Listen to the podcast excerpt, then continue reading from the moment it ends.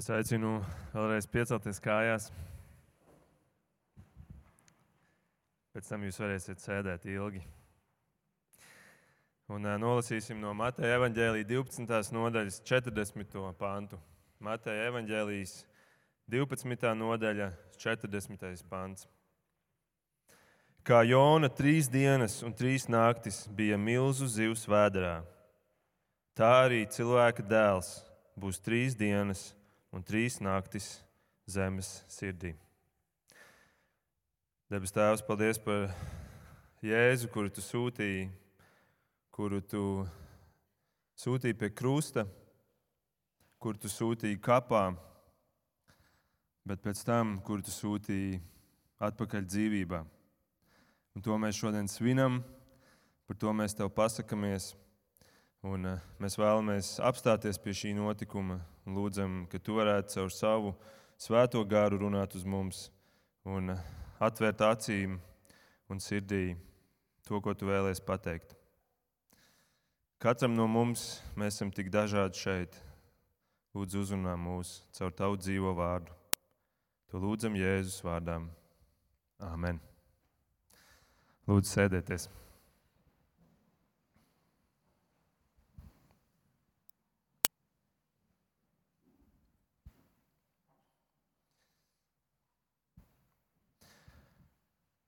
Ak, Dievs, es esmu vaļa mutē. Tas skan kāds divu gadu senas The Guardian ziņas virsraksts. Tas ir stāsts par 56 gadus veco nirēju Maiklu Pekārdu, kurš zvejojot jūras vēžus ASV piekrastē, pēkšņi sajūta lielu triecienu no aizmugures. Viņa vārdiem sakot, viņam bija sajūta, ka viņam mašīna uzskrien no aizmugures, un tad palika tumšs. Pirmā doma bija, man ir apēdis, apēdusi haizivs, jo tur haizivs ļoti daudz apkārt dzīvoja. Bet tad viņš saprata, nē, bet viņai nav zobu, tā nevar būt haizivs. Tad tas noteikti ir valis. Viņu bija aprījis kupru valis. Starp citu, tieši tāds pats, kāds man peldēja blakus, tad, kad mēs nirām Īslandes fjordā. Tieši tā pati suga. Šiem vaļiem nav laba frontālā redze. Un, tad, kad šis valis tvēra pēc zivju mākoņa, tas ir tas veids, kā viņš ēd. Viņš vienkārši atver muti un ņem to tonu ar zivīm vienā rāvienā. Tas acīm redzot, bija aprīlis šo nirēju.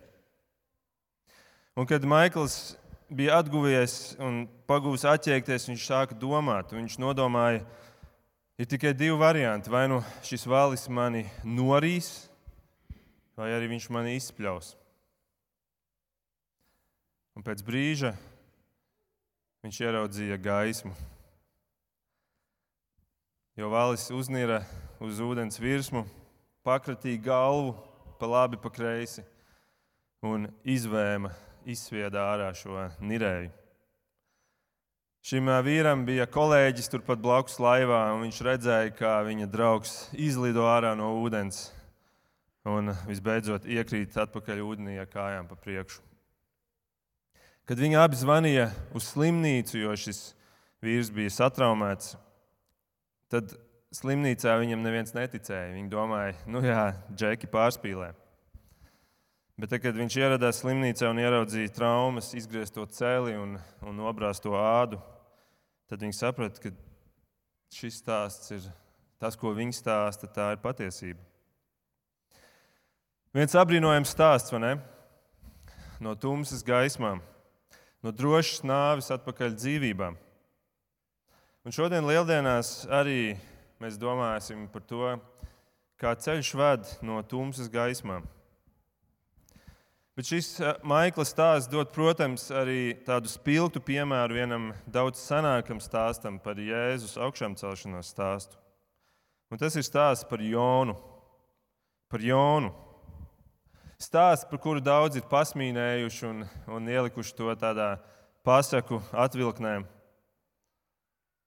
Daži pat saka, ka šī stāsta dēļ mēs varam pateikt, ka visa Bībele ir viena pasaku grāmata. Bet šī nirēja piedzīvotais atgādina, ka pasaulē ir daudz stāstu, kuri mums šķiet, var šķist neticami. Un tomēr viņi ir patiesi.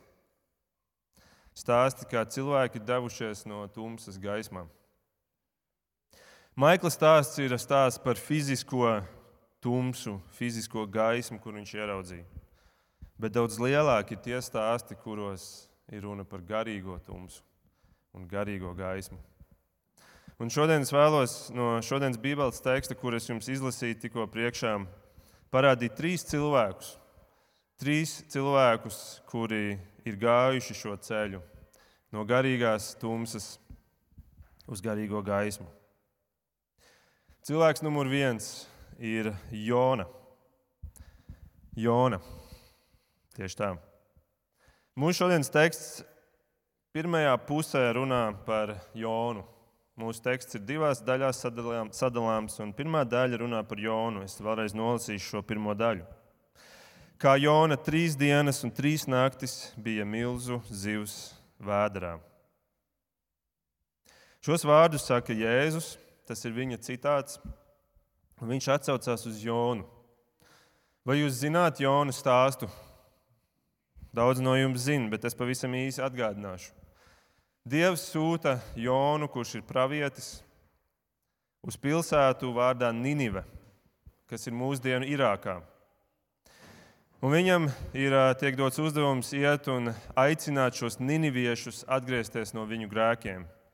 Jo tie grēki ir smagi, un Dievs šos grēkus redz, un Dievs sola sūtīt sodu, ja viņi neatgriezīsies no šiem grēkiem.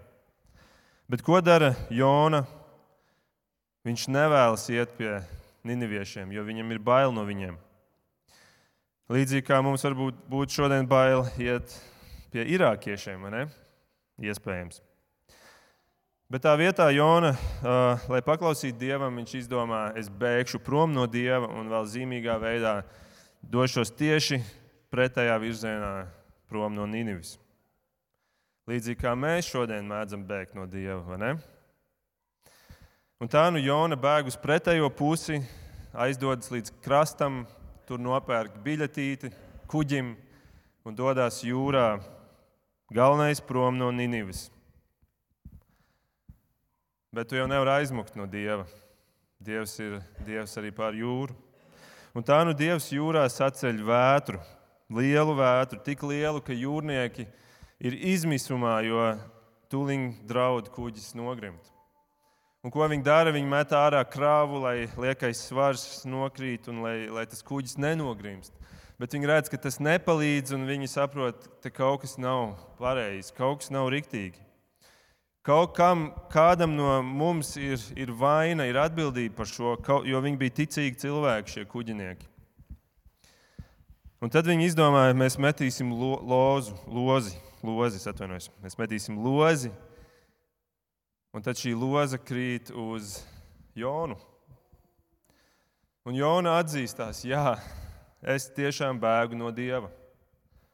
Jā, tā ir mana vaina, kāpēc mēs visi šobrīd ciešam.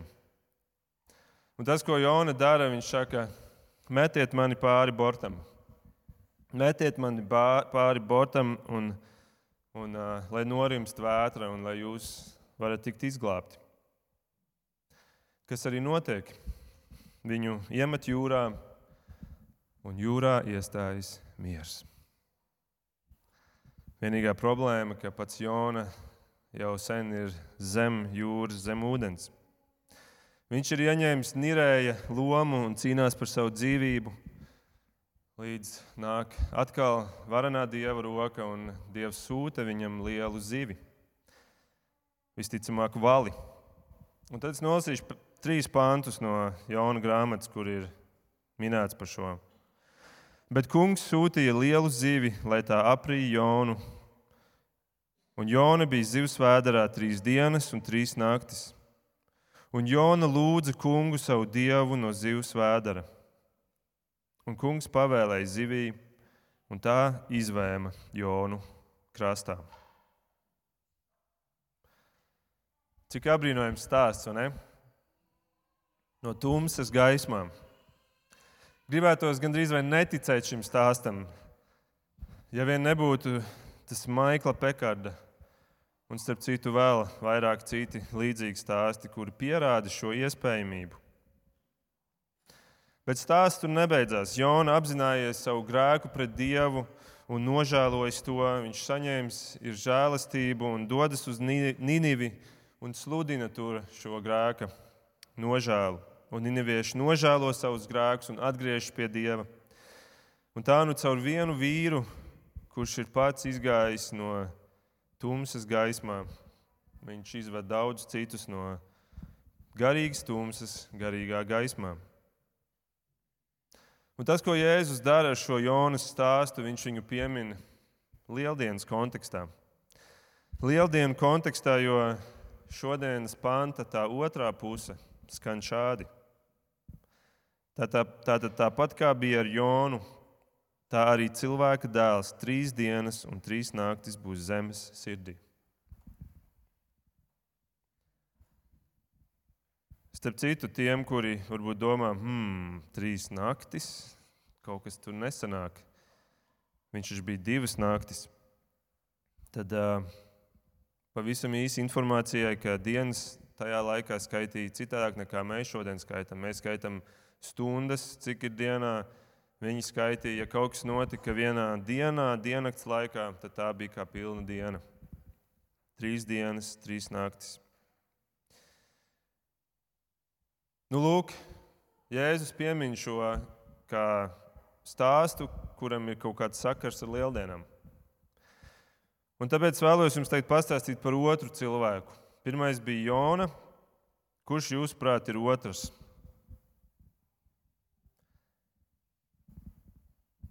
Otrs cilvēks ir Bens Adams. Var uzlikt uz ekrāna. Jā. Kurš no jums zina, kas ir Bens Adams? Neviens nezina. Tad iegaumējiet šo. Ben Adam ebreju valodā nozīmē cilvēka dēls. Cilvēka dēls. Cilvēka dēls Jēzus Kristus. Un arī šis stāsts, kurā Jēzus mirst par cilvēku, cilvēks, daudziem šķiet neticams stāsts. Neticams stāsts, tas taču nav iespējams. Bet vispār jau pirms, pirms augšām celšanās, kā gan cilvēks var sevi tā pazemot citu cilvēku vietā, būt gatavs ciest un pat mirt par cilvēkiem, kuri bija sabiedrības noteikti ne augšējais slānis. Es lasīju vācu presē tieši lielajā piekdienā, bija tāds interesants raksts, tāda intervija par atgadījumu ar vienu Marvel aktieri vārdā Jeremiju Renneru. Marvel ir tāda, tāda supervaroņu uh, filmu um, kompānija, kur ražo visādas filmas. Viņš ir, viņš ir aktieris no Avengers supervaroņiem. Viņš ir viens no viņiem. Un tur bija stāsts par to, kā viņam šī gada 1. janvārī bija notikusi smaga avārija tik smaga, ka ir brīnums, ka, ir iz, ka viņš vispār ir izdzīvojis. Viņam pāri pārbrauca septiņas tonnas smags sniega traktors, kuru viņš mēģināja apstādināt. Šis traktors viņam salauza vairāk nekā 30 kaulus, lūzumi bija izkaisīti pa visu ķermeni, viņam bija saspiesti iekšējie orgāni, saplēsta niera Galvas kauss bija atvērts vairākās vietās. Sniegs, kurā viņš gulēja, bija sarkans, noklāts asinīm. Viņa brāļa dēls vienīgais bija blakus un teica, ka tajā brīdī, kad viņš pieskrēja pie šī sava onkuļa, viņš nespēja viņu pat atpazīt pēc izskata. Un galvas kausā viņš redzēja spilgti baltu krāsu, kas ir balta kaulu krāsa. Un tomēr šis vīrs izdzīvoja. Šodien viņš sēž ratiņkrēslā un vēl mēģina atgūt spēju iet. Bet intervijā ar kādu TV kanālu viņš teica, ja man būtu jāatgriežas pagātnē, tad es to darītu atkal. Jo šis sniega traktors slīdēja virsū manam brāļa dēlam. Un raksts nobeidz ar vārdiem: Tā ir patiesa mīlestība. Un ciešanas ir tas, kas mīlestību padara vēl stiprāku. Un es te vēlos piebilst, ka tādi ir īstie supervaroņi. Ne? Tādi ir īstie supervaroņi.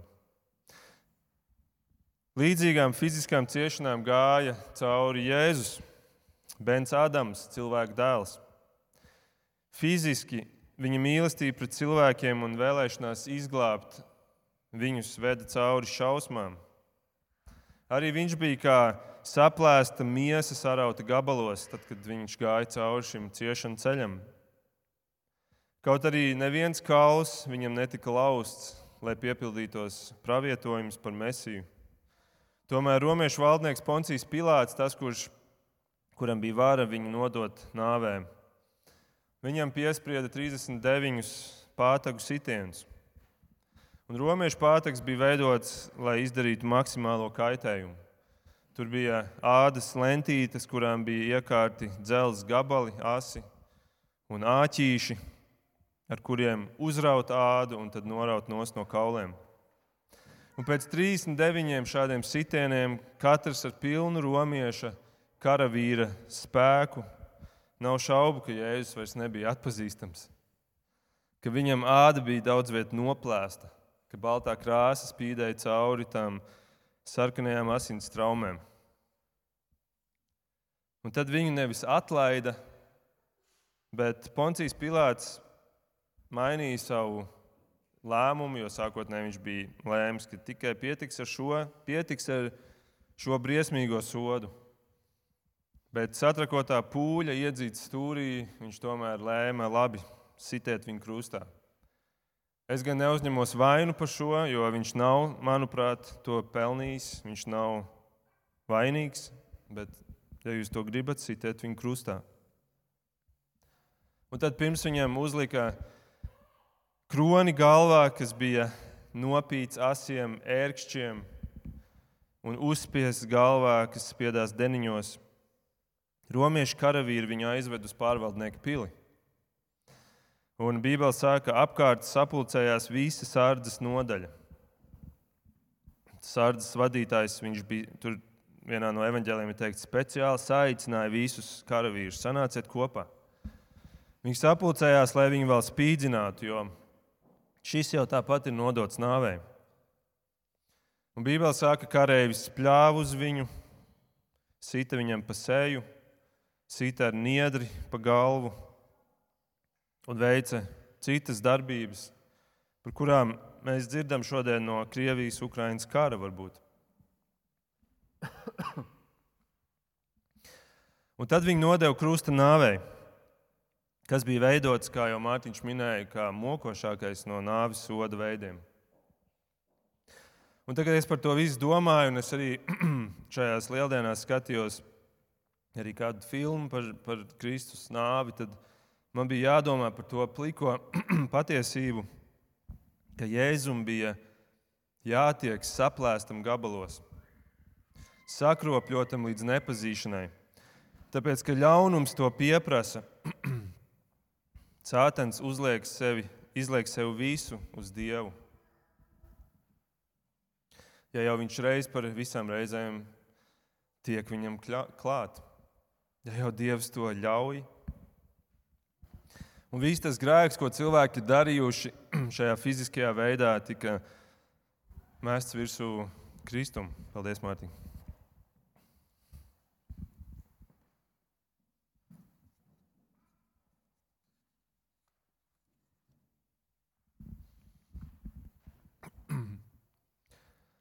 Un tur bija cilvēks, kurš nevis ir tā kā mēs redzam tos krucifiksus, kur, kur Jēzus ir tāds tāds glīts, glūdu ādiņu vīrs uz krusta, bet tur no cilvēciskuma vairs nekas pāri nebija palicis.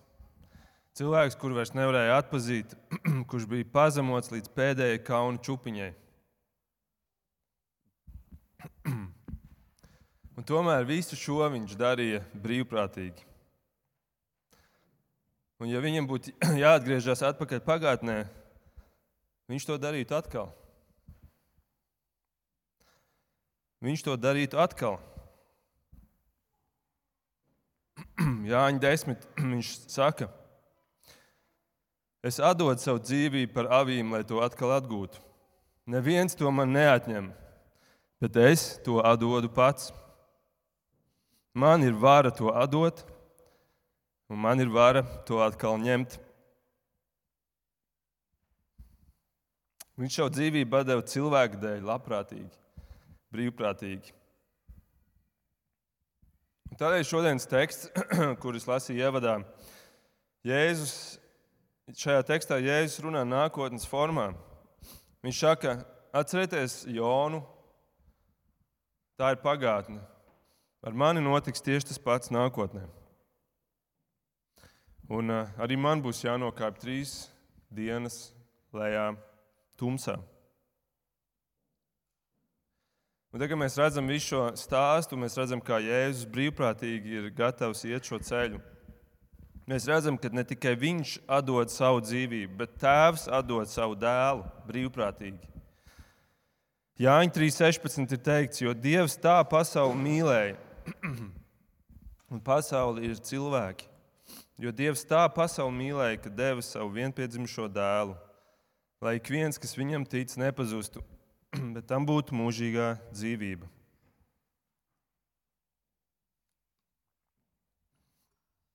Redziet, tēvs atdod labprātīgi savu dēlu cilvēku izpirkšanai, un dēls labprātīgi atdod savu dzīvību, tāpēc ka mīl cilvēku, mīl tevi. Šajā klusajā nedēļā es braucu automašīnā viens, un uh, es ieslēdzu radio. Un, uh, šķirstīju stācijas, līdz apstājos pie viena popmūzikas kanāla, pie vienas popmūzikas stācijas, kur skan tāda mūsdienīga mūzika un tāds skanīgs gabals bija. Bet es apstājos nevis tāpēc, ka man patīk tā dziesma, bet tāpēc, ka es ieraudzīju šīs dziesmas nosaukumu savas mašīnas panelī. Un tas nosaukums bija Die for You - Mirt par tevi. Un vienkārši nu, šī nedēļa visu man likās, o, nu, cik trāpīgs nosaukums, cik, cik trāpīga dziesma šim laikam. Un tad es iegūlēju šī teksta nosaukumu un gribēju paskatīties. Teksts ir tāds, bet zini, piedziedājums ir tāds, bet zini, ka es būtu gatavs mirt par tevi.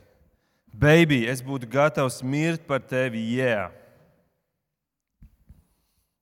Un tā visu laiku tur 45 reizes. Un tagad tā klusā nedēļa, tas tā iedomājos pastīties, nu tad kura ir tā laimīgā, par kuru viņš ir gatavs mirt? Jo, nu, protams, es tā mazliet naivi, vai ne, bet, bet nu, es domāju, kas ir viņam sieva? Jo, nu, tu jau nemirsti par kuru katru, vai ne? Nu, ja tu mirsti par kādu, tad nu, tava sieva. Tad es iegūlēju, jā, šis, šis uh, dziedātājs ir uh, The Weeknd. Nosaukums ir The Weekend. Un tad, meklējot pēc tā, kas ir viņa sieva, pirmais raksts parādās The Weekend draugu vēsture. Un tad tu atver vaļā, un tur tāds garš saraksts ir ar viņa draugiem. Tur viena dāma, un tad nākamā, un nākamā, un nākamā, un nākamā. Un tā es beigās nesapratu, cik viņam ir bijuši un kura viņam ir aktuālā. Bet tad tu to visu tā redzi, un tev liekas, Tik tukši vārdi, tik liekulīgi. Tu pat nespēji pašaizliedzīgi vienas attiecības noturēt. Un tad tu dziedi par miršanu. Jēzus neplātījās ar balādēm par nāvi, ar vārdiem par nāvi. Viņš klusējot sevi deva par savu līgavu, kuru Bībelē sauc par draugu. Un, ziniet, ironiskais ir tas, ka The Weekend nozīmē nedēļas nogali. Bet šī ir tā īstā nedēļas nogale pasaules vēsturē, kurā vīrs nodod savu dzīvību savai sievai, savai līgavai, savai draudzē. Šī ir tā nedēļas nogale, kur mēs svinam, tāpēc arī kā kristīgā draudzene. Jēzus tiešām nomira. Jēzus tiešām nomira pie tā sasodītā krusta krusta, kur šodien cilvēki nesā kā tādu accessoāriņu ap kaklu, bet kas viņam bija brutāls rāmis, kurā iedzīt naglas, kas viņam bija rāmis, kuru pacelt gaisā publiskai kaunināšanai, kas viņam bija rāmis, kuru nodot gravitācijas varā, tāpēc ka krusta nāve bija nosmakšanas nāve. Un tev plaušā sāk krāties ūdens, un tu vairs nevari pelpot. Lai tu varētu ievilkt elpu, tev ir jāpaspiež sevi uz augšu, spiežoties uz tām naglām, uz kurām tu esi piestiprināts. Un pat gravitācija nostājas pret Kristu, pret šo gravitācijas radītāju un spiež ārā to pēdējo elpu no viņa. Mēs varam teikt, šis sasodītais krusts, šis sasodītais krusts. Un tomēr šis nāves instruments ir kļuvis par viskaistāko dzīvības simbolu. Tāpēc mēs šodien šeit esam lieldienās, un mēs svinam dzīvību.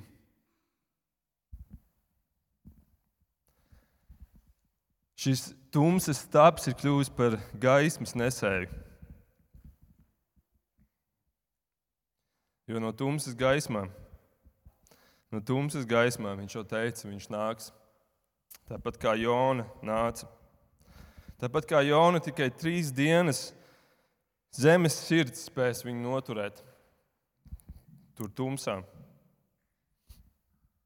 Un tad nāve viņu izpļaus, kā tāds valis izpļāva Jonu. Tāds lūk ir Ben Adam, cilvēka dēls. Tāds lūk ir cilvēka dēls. Bet ir vēl trešais cilvēks bez Jonas un bez Bena Adama, par kuriem es gribu jums pastāstīt. Un trešais ir. Tu vari uzlikt uz ekrāna. Trešais ir Bena Adama. Tu varbūt domā, drūkas kļūda Jo drūks kļūdas mēdz gadīties, vai ne? Tādi mēs esam cilvēki, un arī man, bet nē, draugi, šī nav drūks kļūda. Ir vēl kāds Ben Adams. Zini, kurš tas ir? Tas esi tu. Tu esi arī Ben Adams, cilvēka dēls, cilvēka bērns.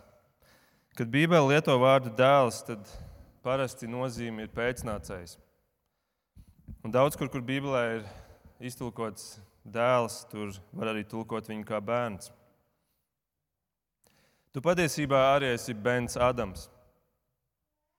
Varbūt tu teiksi, jā, bet šodienas pantā jau mēs apskatījāmies tās divas daļas, un tur vairs nav vietas man. Tur ir Jona un tur ir Jēzus, bet kur tad esmu es? Mans stāsts šeit nav atrodams. Ir gan atrodams. Tāpēc, ka tavs stāsts veidojas no šiem diviem stāstiem kopā. Tavs stāsts veidojas no tā, kā Jona iet savu ceļu un kā Kristus pabeidz šo ceļu. Tavs stāsts no tumsas gaismā ved, kad vispirms tu ej Jonas ceļu kurš apzinājās, ka es bēgu no dieva, kurš atzina savus grēkus dieva priekšā un cilvēku priekšā. Un kurš atzina, ka ir pelnījis nāvi, kur ir pelnījis tik pārmests pāri bortam, tāpēc ka grēka alga ir nāve. Nevis kurš domā, es jau esmu labs cilvēks, es jau esmu pat labāks par daudziem citiem. Labāks par lielāko daļu. Jā, tu noteikti esi labāks par daudziem citiem. Bet tu neesi labs pēc dieva standartiem. Jo dievs ir pilnīgi labs. Un viņš ir tik labs, ka vismazākais grēks liedz pieeju tev pie viņa. Pie viņa nevar nākt ja tu esi grēkojis. Pie viņa nevar nākt, ja tu esi kaut reizi melojis, vai kaut reizi dusmojies, vai kaut reizi aprunājis kādu. pie viņa nevar nākt.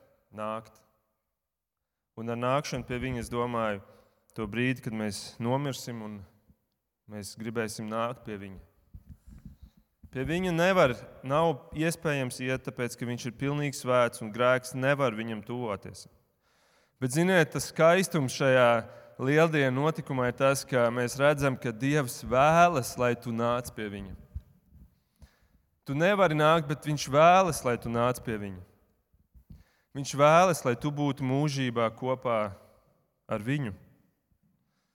Un tādēļ viņš rīkojās. Un tā ir kristietība. Nevis, ka mēs kaut ko rīkojamies un mums ir tik daudz kaut kādi likumi un rituāli, kas jāizpilda. Nē, tas viss ir strūns.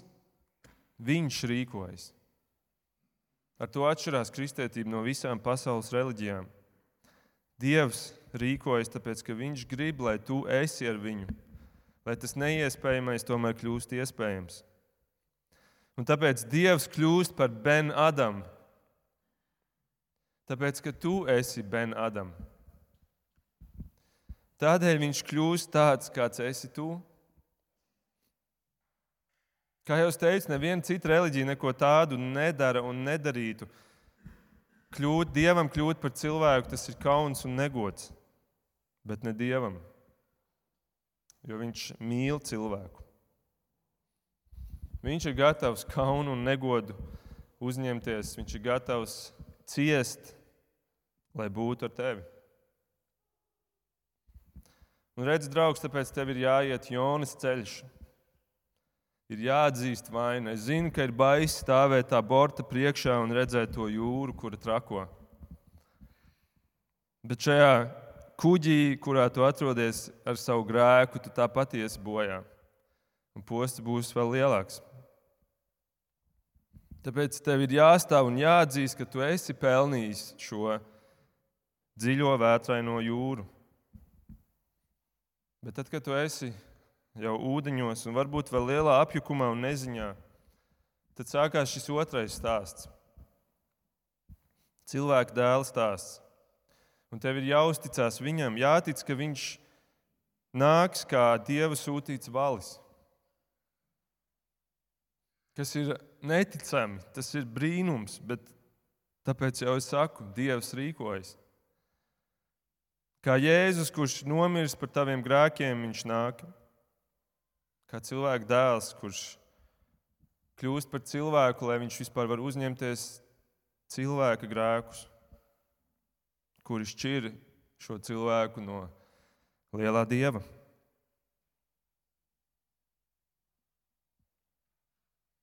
Un tad viņš atdod savu dzīvību par tevi un prasa tev pretī tikai vienu lietu - tavu dzīvību. Viņš tev dod savu pilnīgo dzīvību, jo atceries tikai pilnība spēja nākt pie Dieva. Un tev ir jāņem šī viņa pilnība un ar viņu jādzīvo, bet tev ir jādod sava nepilnība, savu grēku viņam. Un šie grēki ir tie, kādēļ viņš bija gatavs kāpt uz šī tumsas staba. Bet tev nav jātic tikai viņa nāvei, tev ir jātic, ka viņš ir augšām cēlies. Ar to apliecinot, ka viņš nav tikai Ben Adams, nav tikai cilvēka dēls, bet viņš ir arī Dieva dēls. Viņš ir arī Dieva dēls, un tādēļ viņam tiešām ir vara pār nāvi. Ja Jēzus būtu nomiris un stāsts būtu beidzies ar krustu, tas būtu iespaidīgi. Tas būtu līdzīgi kā Marvela varoņa stāsts tikai ar mazliet skumjākām beigām. Bet tā arī mēs nekad neuzzinātu, vai viņam ir tā vara pār to nāvi vai nav. Vai es varu viņam uzticēties, ka viņš mani cels augšā no šīs nāves, vai nevaru? Un tāpēc ir lieldienas. Un tāpēc ir šis notikums, kuru mēs šodien svinam. Tici tam! Turies pie tā, un tu nenogrimsi savā vētrā, savā dzīvē. Skaties uz Kristu, kurš pirmais izgāja no tumsas dzīvībā, gaismā, lai varētu tevi vest pa šo pašu ceļu. Un šis brīnumainais notikums, šī Kristus augšām celšanās, ir visvairāk dokumentētais un vienlaikus visvairāk apšaubītais brīnums pasaules vēsturē. Ir šīs abas reakcijas, šīs abas puses. Vieni to pieņem, un otri paliek savā, savā šaubās, savā neticībā. Un tā cilvēks tiek sašķelta divās daļās. Un tev arī, draugs, ir jāizņem, jā, jāpieņem šis lēmums, jāizdara šī izvēle. Tu nevari palikt kaut kādā neitrālajā zonā. Tādas nav.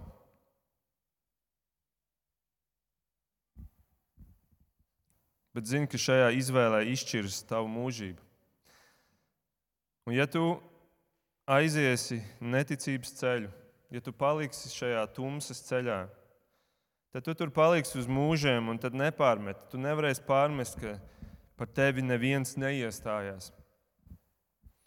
Tāpēc, ka Kristus nomira par cilvēku. Un viņš aicina arī šodien tevi nāc gaismā. Es zinu to ceļu, es viņu esmu izgājis. Nāc gaismā, no tumsas gaismā. Un tagad, tu būsi nācis, tad tu varēsi līdz ar draugu teikt, Kristus ir augšām cēlies.